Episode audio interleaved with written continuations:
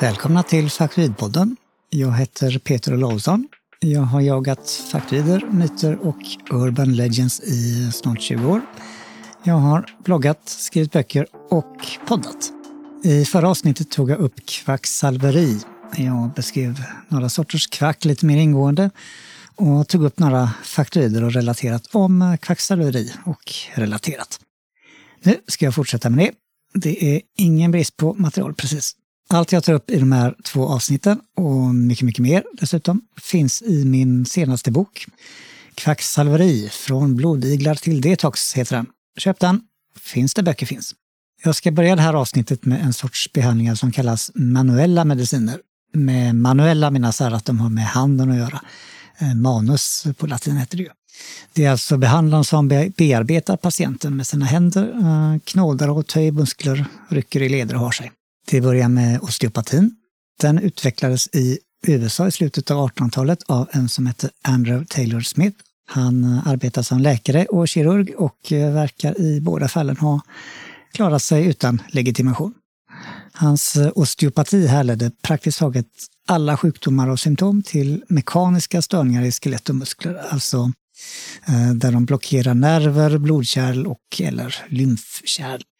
Genom att vanligt massera, trycka och bända löser osteopaten upp blockeringarna. Ibland räcker det, andra gånger är kroppen fri att själv bota sjukdomarna. Eh, det här gällde som sagt inte bara problem i leder och kotor. Eh, Still menar sig kunna läcka allt möjligt. Eh, astma, infektioner, tuberkulos, cancer med mycket, mycket mer. Inklusive mentalsjukdomar förresten. Sånt skulle osteopatin också fixa. I en frisk kropp, menar han, finns inga störningar. Där flödar vätskor och nervimpulser fritt och det är det enda som behövs för att hålla sjukdomar borta. Kirurgi och läkemedel, och givetvis även vacciner, eh, det var av ondo och avråddes bestämt ifrån. Sjukdomsalstrande mikroorganismer som bakterier, det troddes till inte på. Omkring sekelskiftet 1900 växte den här osteopatin till en stor och intensiv rörelse i USA. Eh, bitvis påminner den om en sekt med ett närmast religiöst hyllande av läran och den store grundaren. Eh, osteopatin är fortfarande stor i USA. Eh, så stor att den har blivit etablerad medicin. Till exempel är Doctor of Osteopathic Medicine, förkortat OD, faktiskt jämförbart med en vanlig läkarutbildning. Det här är väldigt intressant eftersom det är just dit som kvacksalvare och anhängare av alla möjliga slag vill komma. De vill få sin alternativa medicin etablerad med stöd från stat, näringsliv, mottagningar listade på 1177 och så vidare. Utan skam, utan hån eller begränsningar. Eh, vad händer då med en alternativ medicin när den blir etablerad? Ja, för osteopatins del har etablerandet inneburit att många av de värsta irrlärorna nöts bort, kan man säga. Det finns idag många osteopater, eller OD, som aldrig utövar osteopatiska manipulationer. Liksom det finns många som inte gör annat. Eh, det är dock talande att de flesta i USAs osteopatiska kår är mer villiga än vanliga läkare att ägna sig åt eller rekommendera odiskutabla kvacksalverier som eh, irisdiagnostik, eh, tarmrensning och kinesiologi. Men i övrigt kan osteopater och läkare vara intill förväxling lika varandra. Utanför USA har osteopatin alltid varit mindre och där har den också behållit mer av sin alternativa inriktning. Anspråken där har minskat avsevärt hos de flesta utövarna, dock inte alla. Istället för att säga sig kunna bota praktiskt taget allt, fysiskt som psykiskt, genom att massera leder och ryggrad så fokuserar man på verk i rygg, nacke och leder. Det är också besvär där osteopatin verkligen kan vara till hjälp. Daniel David Palmer var grosshandlare och så kallad magnetisk helare, ett annat kvack. 1895 lanserade han kiropraktiken. Det var inte så mycket en ny lära som osteopati med ett nytt namn. Eh, den väsentligaste skillnaden var att kiropraktiken enbart inriktades mot ryggraden och dess mystiska subluxationer. Vad är en subluxation? Ja, från början är det en eh, skolmedicinsk term för en ur ledvridning där ledytorna fortfarande har kontakt med varandra. Om de inte har kontakt med varandra kallas det luxation. Inom de eh, manuella medicinerna, osteopati, kiropraktik och naprapati som man ska komma till, har begreppet subluxation fått en vidare definition och helt central plats. Där avser subluxationer även mycket subtila ledvridningar som icke desto mindre påstås kunna ge upphov till en mängd sjukdomar, om inte rent av alla. Eh, Palmer menar att sådär eh, 95 procent av alla krämpor beror på subluxationer i ryggraden. Eh, där han menar att de påverkar blodkärl, lymfakärl och nerver. De övriga 5 procenten av sjukorna beror på blockeringar i andra leder och de kunde alla behandlas med manipulationer enligt kiropraktiken. Efter att eh, inledningsvis ha förnekat arv, lån eller stöld från osteopatin övergick Palmer senare till att hävda att kiropraktiken är osteopati som mognat, minsann. Eh, och att han fått sin vägledning från samma källor som Still. De här källorna skulle ha utgjorts av förmågor på andra sidan, det vill säga andar. Kiropraktiken arbetar mindre med massage och mjuka metoder än med så kallade justeringar det är när man vrickar på leder snabbt och kraftigt. Det största problemet med kiropraktiken är just de här kraftiga justeringarna, särskilt av halsen. Eh, om halskotan utsätts för snabba, kraftiga rörelser så kan artärer som ligger intill skadas. Sådana skador får ibland eh, omedelbara effekter men det kan också ta tid innan de visar sig. Därför tog det också ett tag innan man upptäckte att kiropraktiska behandlingar av halsen medför en risk för nervskador eller stroke. Det bidrog att kiropraktiken inte hade något system för att dokumentera eventuella vårdskador.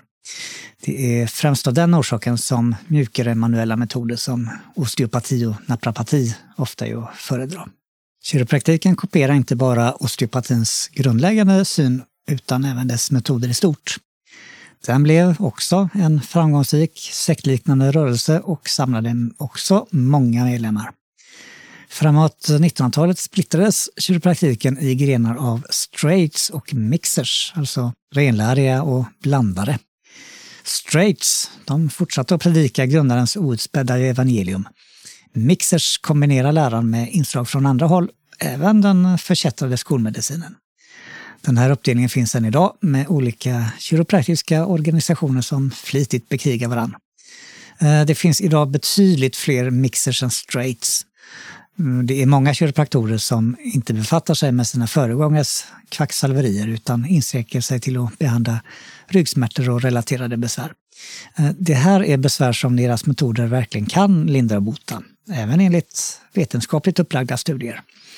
Eh, så det här ska verkligen poängteras. God kiropraktik är det hittills bästa exemplet på en alternativbehandling som verkligen fungerar. Eh, och det är det som är faktoiden om kiropraktik. Det finns kiropraktik som inte är kvacksalveri. Det finns många kiropraktorer som ger goda fungerande behandlingar som man inte behöver tveka ett ögonblick för att ge sig in på. Den tredje manuella metoden är naprapati. Liksom eh, kiropraktiken kopierar osteopatin, kopierar naprapatin kiropraktiken. En eh, kopia av en kopia. Men när kiropraktiken tog osteopatins behandlingar och gjorde dem hårdare, tog naprapatins kiropraktikens metoder och gjorde dem mjukare. Eh, den grundades för övrigt i början av 1900-talet. Naprapatin fokuserar på muskler, bindvävnad och så kallad stödjevävnad som ledrosk, senor och ligament. I Sverige idag är naprapatin större i kiropraktiken som är betydligt större än osteopatin. Naprapatin är faktiskt ovanligt stor och etablerad i Sverige. Här kan man också bli legitimerad naprapat Legitimation utfärdas av Socialstyrelsen och i patientsäkerhetslagen listas naprapat som en skyddad titel. I riket med läkare, sjuksköterskor med flera. Även kiropraktorer kan bli legitimerade. Däremot finns det ännu ingen legitimation för osteopater, eh, trots att läran i sig inte alls är underliggare än naprapati eller kiropraktik. Det var manuella mediciner. Eh, kommer nästa kvack. Eh, det här är ett kvacksalveri som blev riktigt stort för några år sedan och som fortfarande har många engagerade anhängare. Eh, alldeles för engagerade skulle många säga. Och det är kolloidalt silver. Detta undermedel utgörs av mikroskopiska silverpartiklar i vatten som ska göra susen mot i stort sett allting på vanligt maner. Kan det stämma? Ja, silver har verkligen en antibiotisk effekt. Eh, man använder och har använt silver i plåster och andra mycket specifika fall. Däremot fungerar silver inte som generellt undermedel mot litavarje på det sätt som det kolloidala silverfolket påstår. Silver är en giftig tungmetall som inte har i kroppen att göra. Om man studerar kolloidalt silver och diskuterar med anhängare, eh, vilket kan vara en utmaning, så stöter man på flera faktoider. Först ett påstående om hur silver har använts historiskt. Anhängare nämner ofta att silver länge används för sina bakteriedödande egenskaper, eh, vilket stämmer.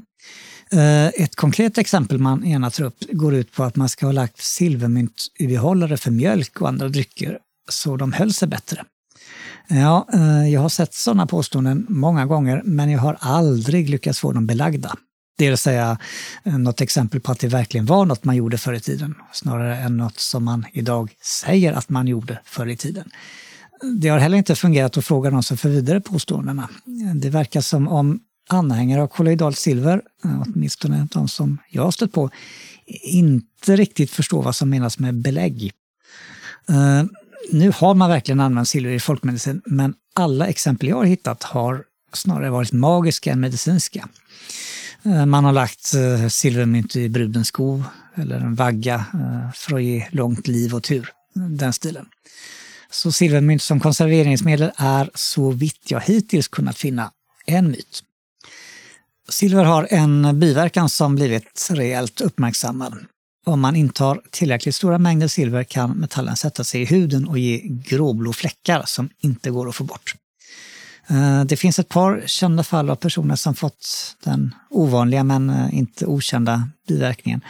Den mest kända hette Paul Carasson Googlar man på det här fenomenet, eh, som förresten heter argyri, får man upp bilder på Paul Carlsson. Och det är bilder som sätter sig i huvudet. Han var verkligen blå, en jämn gråblå kulör över hela kroppen. Men eh, han och andra som fått sån här påfallande argyri har använt medel med mycket högre silverhalter än de som används i Sverige idag. Så risken för argyri av kolloidalt silver skulle jag närmast klassa som en faktoid. Den har åtminstone överdrivits kraftigt. Eh, om inte annat så borde det ha blivit vanligt här sen det här silverdrickat blev på modet. Men det har inte hänt eftersom silverhalterna är så låga. Så det största problemet med silvervatten är inte att det är farligt eller att man kan bli blåst med smurf, utan att det är värdelöst.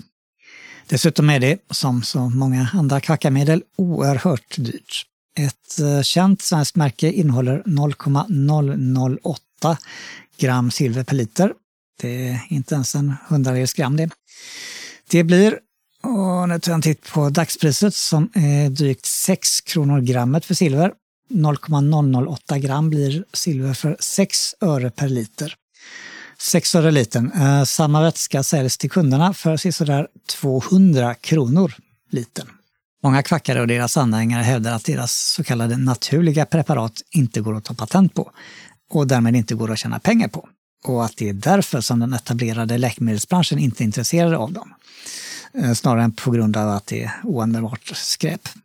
Samma människor säljer kolloidalt silver för tusentals gånger mer än vad det kostat att tillverka. Det går uppenbarligen att tjäna pengar på silvervatten. Kristaller, sådana som man använder i new age. Eh, är det kvack eller magi? Ja, här får det vara kvack så länge. Kristaller har varit en självklar del i new age så länge att man kan tro att de alltid har funnits där. Eh, kanske inte sedan eh, 5000 år eller så, men åtminstone bra länge. Eh, uh, Nja, även om kristaller, ädelstenar och liknande används länge och väl i magi så är kristallhealing, så som den utövas inom new age, från 80-talet. 1980-talet. Det var boken Crystal Enlightenment från 1985 som gjorde kristaller till en grej. Läran kom till Sverige i slutet av decenniet och spreds på 90-talet. Snabbt och effektivt så att det snart kändes som om new age alltid ägnar sig åt kristaller och kristallhealing. Eh, men den är alltså inte äldre än så. Jag har eh, studerat många sorters kvacksalverier och andra pseudovetenskaper och förvillelser genom åren. Jag har blivit eh, tämligen tjockhudad. Det ska rätt mycket till för att jag ska haja till och bli äcklad och förbannad över kvackare. Så det händer inte ofta, men ibland så. Här är ett sådant exempel. Det är den mexikanska kvackindustrin de som driver det här geschäftet, de hör till de mest föraktliga människor som finns. Vad är då den mexikanska kvackindustrin? Ja, det är en gränshandel med kvacksalveri. Eh, Mexiko gränsar ju till USA. På den mexikanska sidan blomstrar handeln med saker som är förbjudna eller begränsade i USA, så som gränshandel blomstrar på många ställen i världen. Eh, en av de här sakerna är kvacksalveri. I Mexiko är lagstiftningen kring sånt friare, kontrollen slappare och eh, korruptionen högre. Därför har en kvackindustri uppstått där. Den är främst riktad mot USA men får även en del kunder från andra länder. Eh, en storsäljare är föga förvånande cancerbehandling. Framförallt eh, ämnet amygdalin, även kallat Lightril eller vitamin B17. Fullkomligt eh, inofficiell beteckning där. Eh, det är ett giftigt ämne som utvinns ur aprikoskärnor eller bittermandel. Dess effekter på vilken sorts cancer som helst har undersökts och av vetenskapen avfärdats grundligt för länge sedan. Trots detta används det fortfarande flitigt i Mexiko. Andra värdelösa cancerbehandlingar man kan få där är blodtransfusioner från marsvin, eh, tarmsköljningar, elbehandlingar och så vidare. Den mexikanska kvackindustrin har många liv på sitt samvete.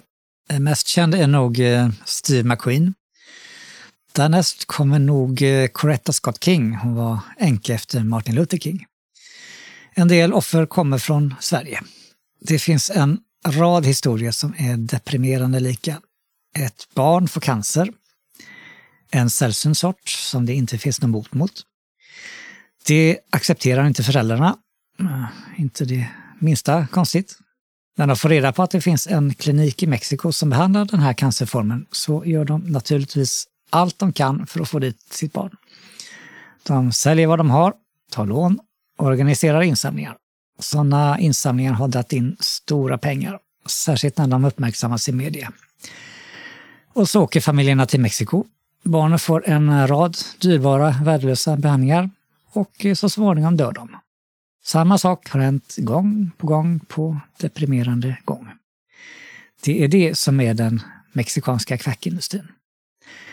Nu är det så att eh, behandlingar som finns i andra länder kan bekostas av den svenska vården, givet att de fungerar, eller åtminstone ingår i en vetenskaplig studie eftersom de mexikanska behandlingarna varken fungerar eller ingår i någon vettig studie så bekostas de inte av den svenska vården. För att sammanfatta, de som driver den mexikanska crackindustrin utlovar bot som inte finns till de mest sårbara människor som finns, nämligen de som har ett döende barn. På dem tjänar de miljoner. Därför hör de som driver den mexikanska crackindustrin till de mest föraktliga människor som finns.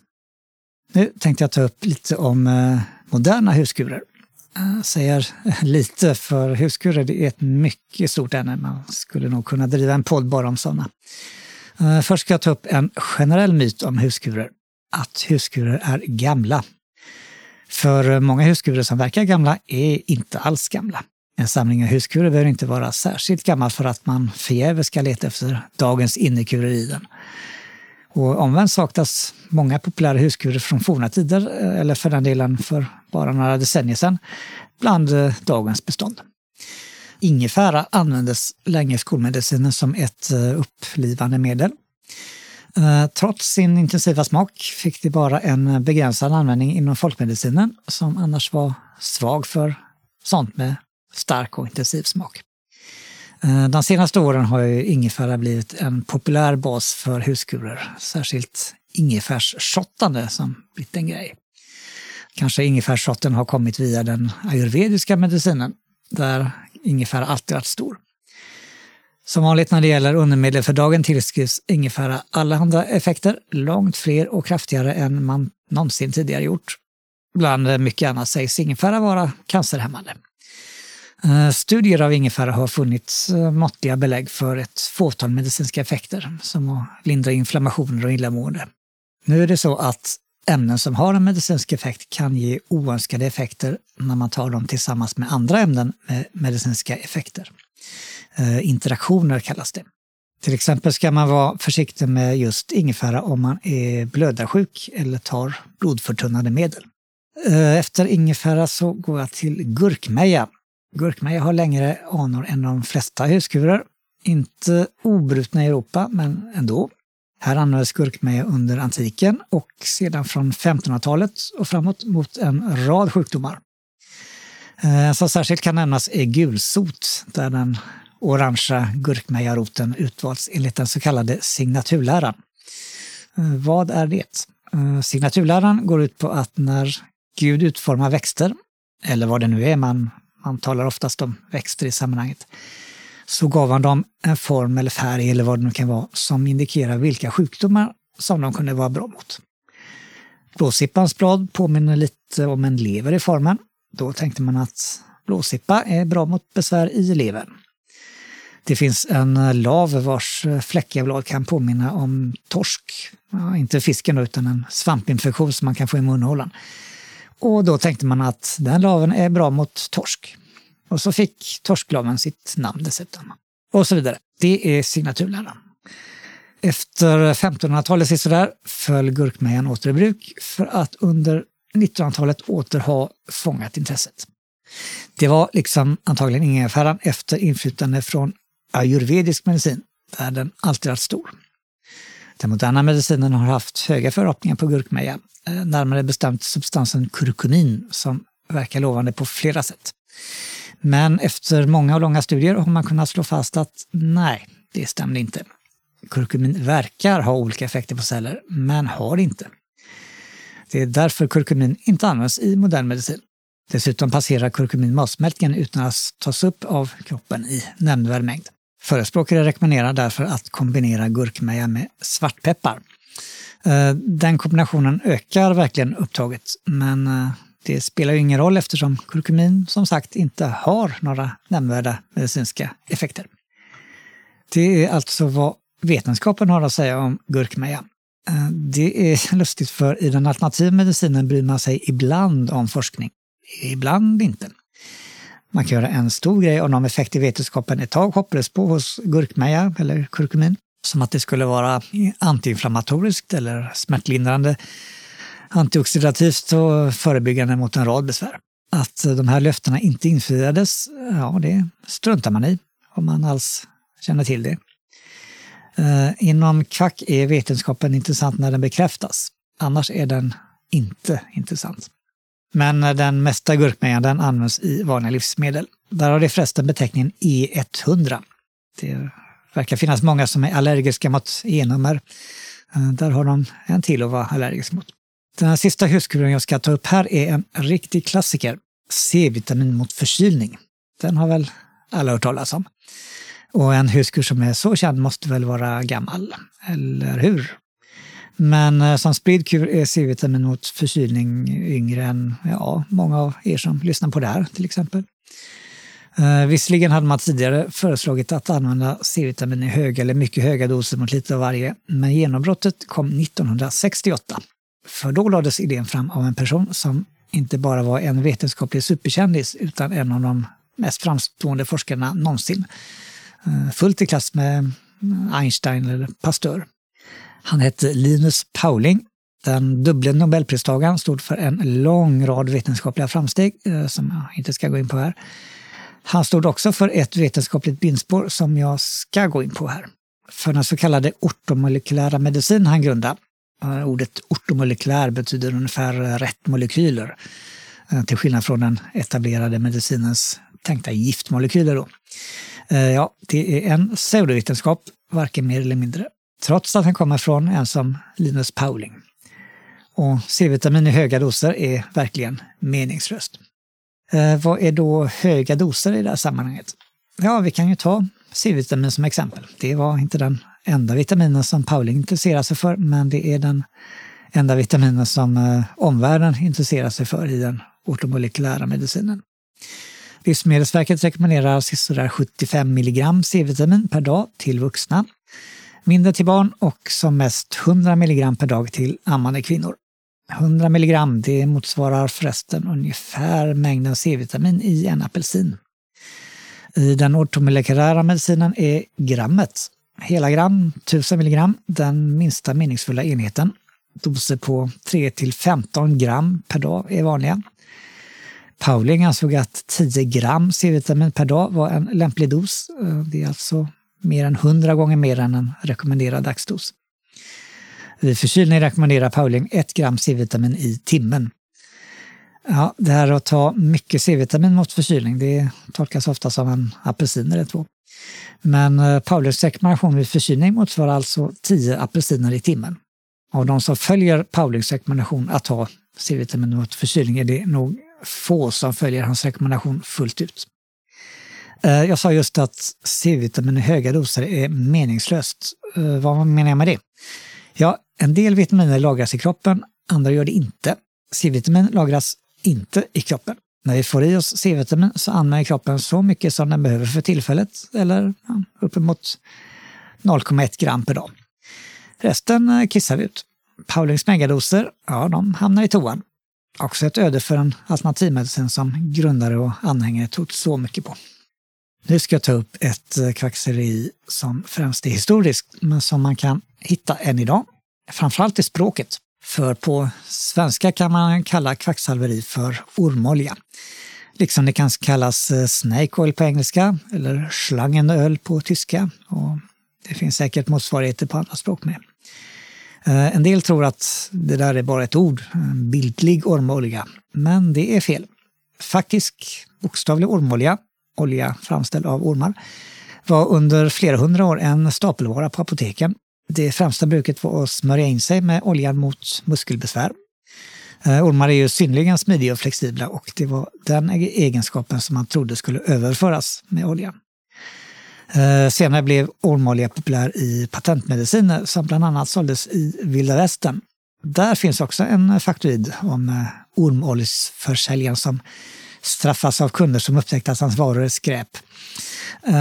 Jag ska inte säga att det aldrig inträffade, men det var inte i närheten lika vanligt som ormolsförsäljare som gjorde återkommande besök och kunde stanna flera dagar på plats. Folk var inte smartare då än nu och det gäller även ett så svårt fält som avgör effekten hos påstådda läkemedel. Eller så här, när folk som köper kolloidal silver bildar grupper på Facebook så är det inte för att rulla försäljarna i kär och fjäder. Tvärtom. Åter till ormoljan. Den kunde bli föremål för förfalskningar. Man använde vanliga oljor med lite tillsatser. Eh, det har fått en del att tro att all ormolja i patentmedicinen var förfalskningar. Men så var inte fallet. Man har också letat fram en eh, kinesisk orm vars olja visar sig ha en viss medicinsk effekt på muskler. Därmed, eh, har man sagt, har det bevisats att ormoljan i själva verket kom till USA från Kina. Det är inte sant. Den kinesiska emigrationen till Kina tog fart i mitten av 1800-talet. Då hade ormolja förekommit länge i landet. Och dit hade den kommit från Europa, där den varit stor långt före Columbus. Så ormoljan är faktisk ormolja och den kommer från Europa. Eh, ett ögonblick bara. Så, eh, jag gjorde just en bildgoogling på ordet zonterapi och fick upp en massa fötter med kulörta mönster och massor av pytteliten text som man inte kan läsa. Men jag vet ju ändå vad som står. Från tårna till hälen är fötterna tecknade med namn på olika kroppsdelar. Eh, till exempel har vi lilltåns spets. Den symboliserar öronen, eh, alltså höger öra på höger lilltå och omvänt. Eh, armhålan sitter där lilltån hänger ihop med resten av foten, njuren är mitt i fotvalvet och så vidare. Med eh, reservation för att olika kartor kan visa olika samband. Eh, ja, vi har väl alla sett dem. Kartor över fotsulans zonterapipunkter.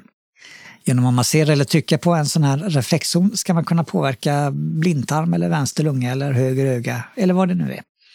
Eh, förhoppningsvis till det bättre. Ja, det här är ju naturligtvis trams och kvacksalveri så det smäller. Var ligger faktoiden?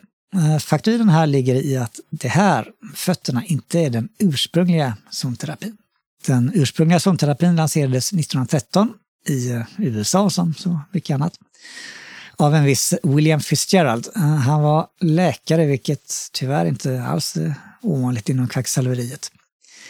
Hans zonterapi delar in kroppen i tio vertikala zoner, fem på var sida. De här zonerna går från var sin tå ut med hela kroppen ända upp till hjässan. Eh, de gör även en avstickare från bröstkorgen ner till armen ut till varsitt finger. Den första zonen löper alltså mellan stortån, tummen och huvudet. Eh, även tungan och munhålan är indelade i de tio zonerna. Den zonterapeutiska hemligheten består i att man genom att trycka på en tå eller ett finger med rätt tryck på rätt sätt och under tillräckligt lång tid ska kunna lindra smärta och andra problem i hela den zonen. Behandlaren kan trycka med sina fingrar eller använda någon mekanism som eh, gummiband eller klädnypor. Här är till exempel en zonterapeutisk behandling för att slippa smärta. Eh, ta först reda på vilken zon smärtan sitter i. Sen sätter man ett gummiband så hårt spänt att det gör ont runt det finger eller den tå som motsvarar den zonen. Låt det sitta kvar i 5-10 minuter. Upprepa flera gånger om dagen. Uh, här ska jag kanske förtydliga. Gör inte det här. Låt bli, det är precis lika dumt som det låter. Eh, men det där är den ursprungliga zonterapin. Idag är den mycket ovanlig. Jag tror aldrig jag stött på den på fältet så att säga. Eh, kanske hade den varit helt bortglömd om den inte gett upphov till en annan lära som idag är långt mer spridd än originalet någonsin var och som förvirrande nog ofta har samma namn. Fitzgeralds uppfinning togs nämligen av hand av en Eunice Ingham som verkar ha haft gott uppsåt och en Edwin Bowers som var en ren skojare. Eh, det var Ingham som förenklade zonterapin och lanserade de här kartorna över fotsulorna som vi alla har sett. Den idén slog an på ett helt annat sätt än den ursprungliga zonterapin. Så alltså till den grad att det är den enda som är känd och utövad nu för tiden. Eh, man har även kopierat konceptet för händer, för öron och ögon. Eh, ögonen ögonen är ju regnbågshinnan iris, där folk inbillar sig att de kan se hur det står till med olika kroppsdelar. Och över alltihop svävar naturligtvis akupunkturen. Eh, många för sig att den zonterapi, eller reflexologi som den också kallas, som jag just beskrivit, är delar av eller avknoppningar av, ska vi kalla den eh, helkroppsakupunkturen. Det har också fått många att tillskriva zonterapin en flertusenårig historia. Eh, 5000 år eller vad man nu kommit överens om. Men akupunkturen är inte mycket mer än 2000 år och zonterapin, den är inte ens 100 år. Jag ska avsluta den här genomgången av eh, kvacksalveri och faktoider inom kvacksalveri med ett ämne som egentligen inte är kvacksalveri, men det ligger bra nära. Det är ständigt aktuellt och eh, nu för tiden är det ännu aktuellare än någonsin. Det gäller det irrationella vaccinmotståndet. Om detta bisarra självskadande förvillande finns det mycket att säga. Väldigt mycket som jag inte ska ta upp här. Det finns gott om folk och de kan inte bli för många som arbetar mot förvillade och förvillande attvaxare. Även jag i min bok Kvacksalveri. Här ska jag bara ta upp en enda punkt, en enda myt om det irrationella vaccinmotståndet och det är dess ålder. För många tror att vaccinmotståndet skapades 1998 av förvillaren och läkaren. Ja, där har vi en till. Eh, han var läkare på den tiden i alla fall. Eh, Andrew Wakefield, som han hette.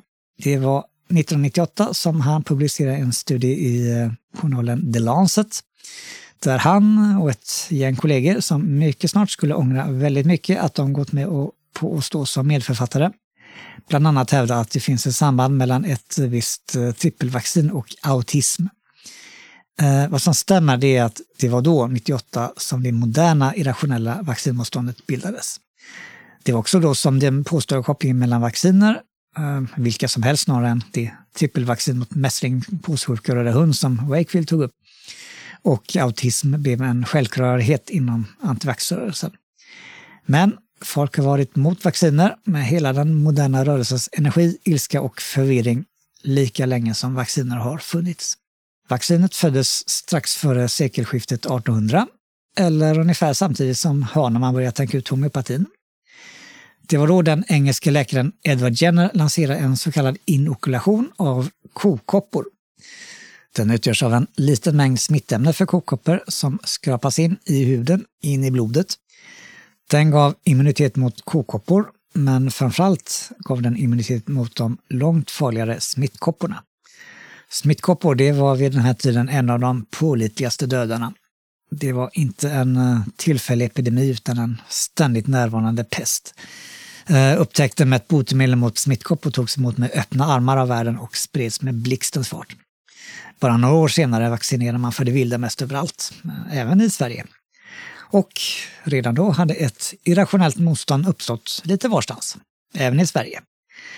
Folk vände sig mot att med flit få sjukdomsalstrande material ehm, som var var från kokoppsblåsor infört i sina kroppar och inte minst i sina barns kroppar. Folk tyckte sig se vaccinskador. Folk fick för sig att boten var värre än soten. Precis som idag, med andra ord. Och eh, precis som idag hade man fel. Och precis som idag lyckas man förvända sig en blick när man såg resultaten av vaccineringarna. Man hade fått för sig att vacciner var essensen av allt djävulskap och därför var det det man såg. Det här fortsatte genom åren. Vaccinmotståndarna har ibland varit fler, ibland varit färre. Ibland har de hörts mer, ibland mindre. Men de har alltid funnits där. Lagstiftningen har ofta tagit hänsyn till de högljudda förvillade. Tv-program har visat som förstärkt deras sak. Till exempel 1982 då tv-programmet DPT Vaccin Roulette gick i USA. Eh, det handlar om ett trippelvaccin mot difteri, stelkramp och kikhosta som förkortat på engelska blir DPT. Eh, Organisationer har bildats som till exempel Dissatisfied Parents Together som förresten förkortas till just DPT. Eh, den har sedan bytt namn till det finare National Vaccine Information Center. Eh, det låter inte som en hem och skolaklubb utan något stort, offentligt och trovärdigt. Den har gjort och gör än idag stor skada när det utmålar vaccinet som något farligt och dumt. För vaccin är ett av mänsklighetens största genombrott. Inte bara inom medicin utan överhuvudtaget. Vaccin har så fåtaliga och milda relativt sett biverkningar som tänkas kan från ett effektivt läkemedel. Det är billigt att framställa, det är enkelt att dela ut och det ger ett gott eller mycket gott skydd mot förfärliga farsoter. Det irrationella vaccinmotståndet är tack och lov inte så starkt i Sverige som många fått för sig. Eh, till exempel vaccineras över 90 procent av alla barn i det allmänna vaccinprogrammet. Men eh, det irrationella vaccinmotstånd som finns här gör så mycket skada det orkar en bra sak med den här corona och covid-pandemin är att antivaxrörelsen har uppmärksammats som den fara för hälsa, liv och samhälle det På många håll i världen är antivaxrörelsen en mycket större kraft som skapar död och lidande helt i onödan. Antivaxandet är kort sagt vår tids farligaste förvillelse.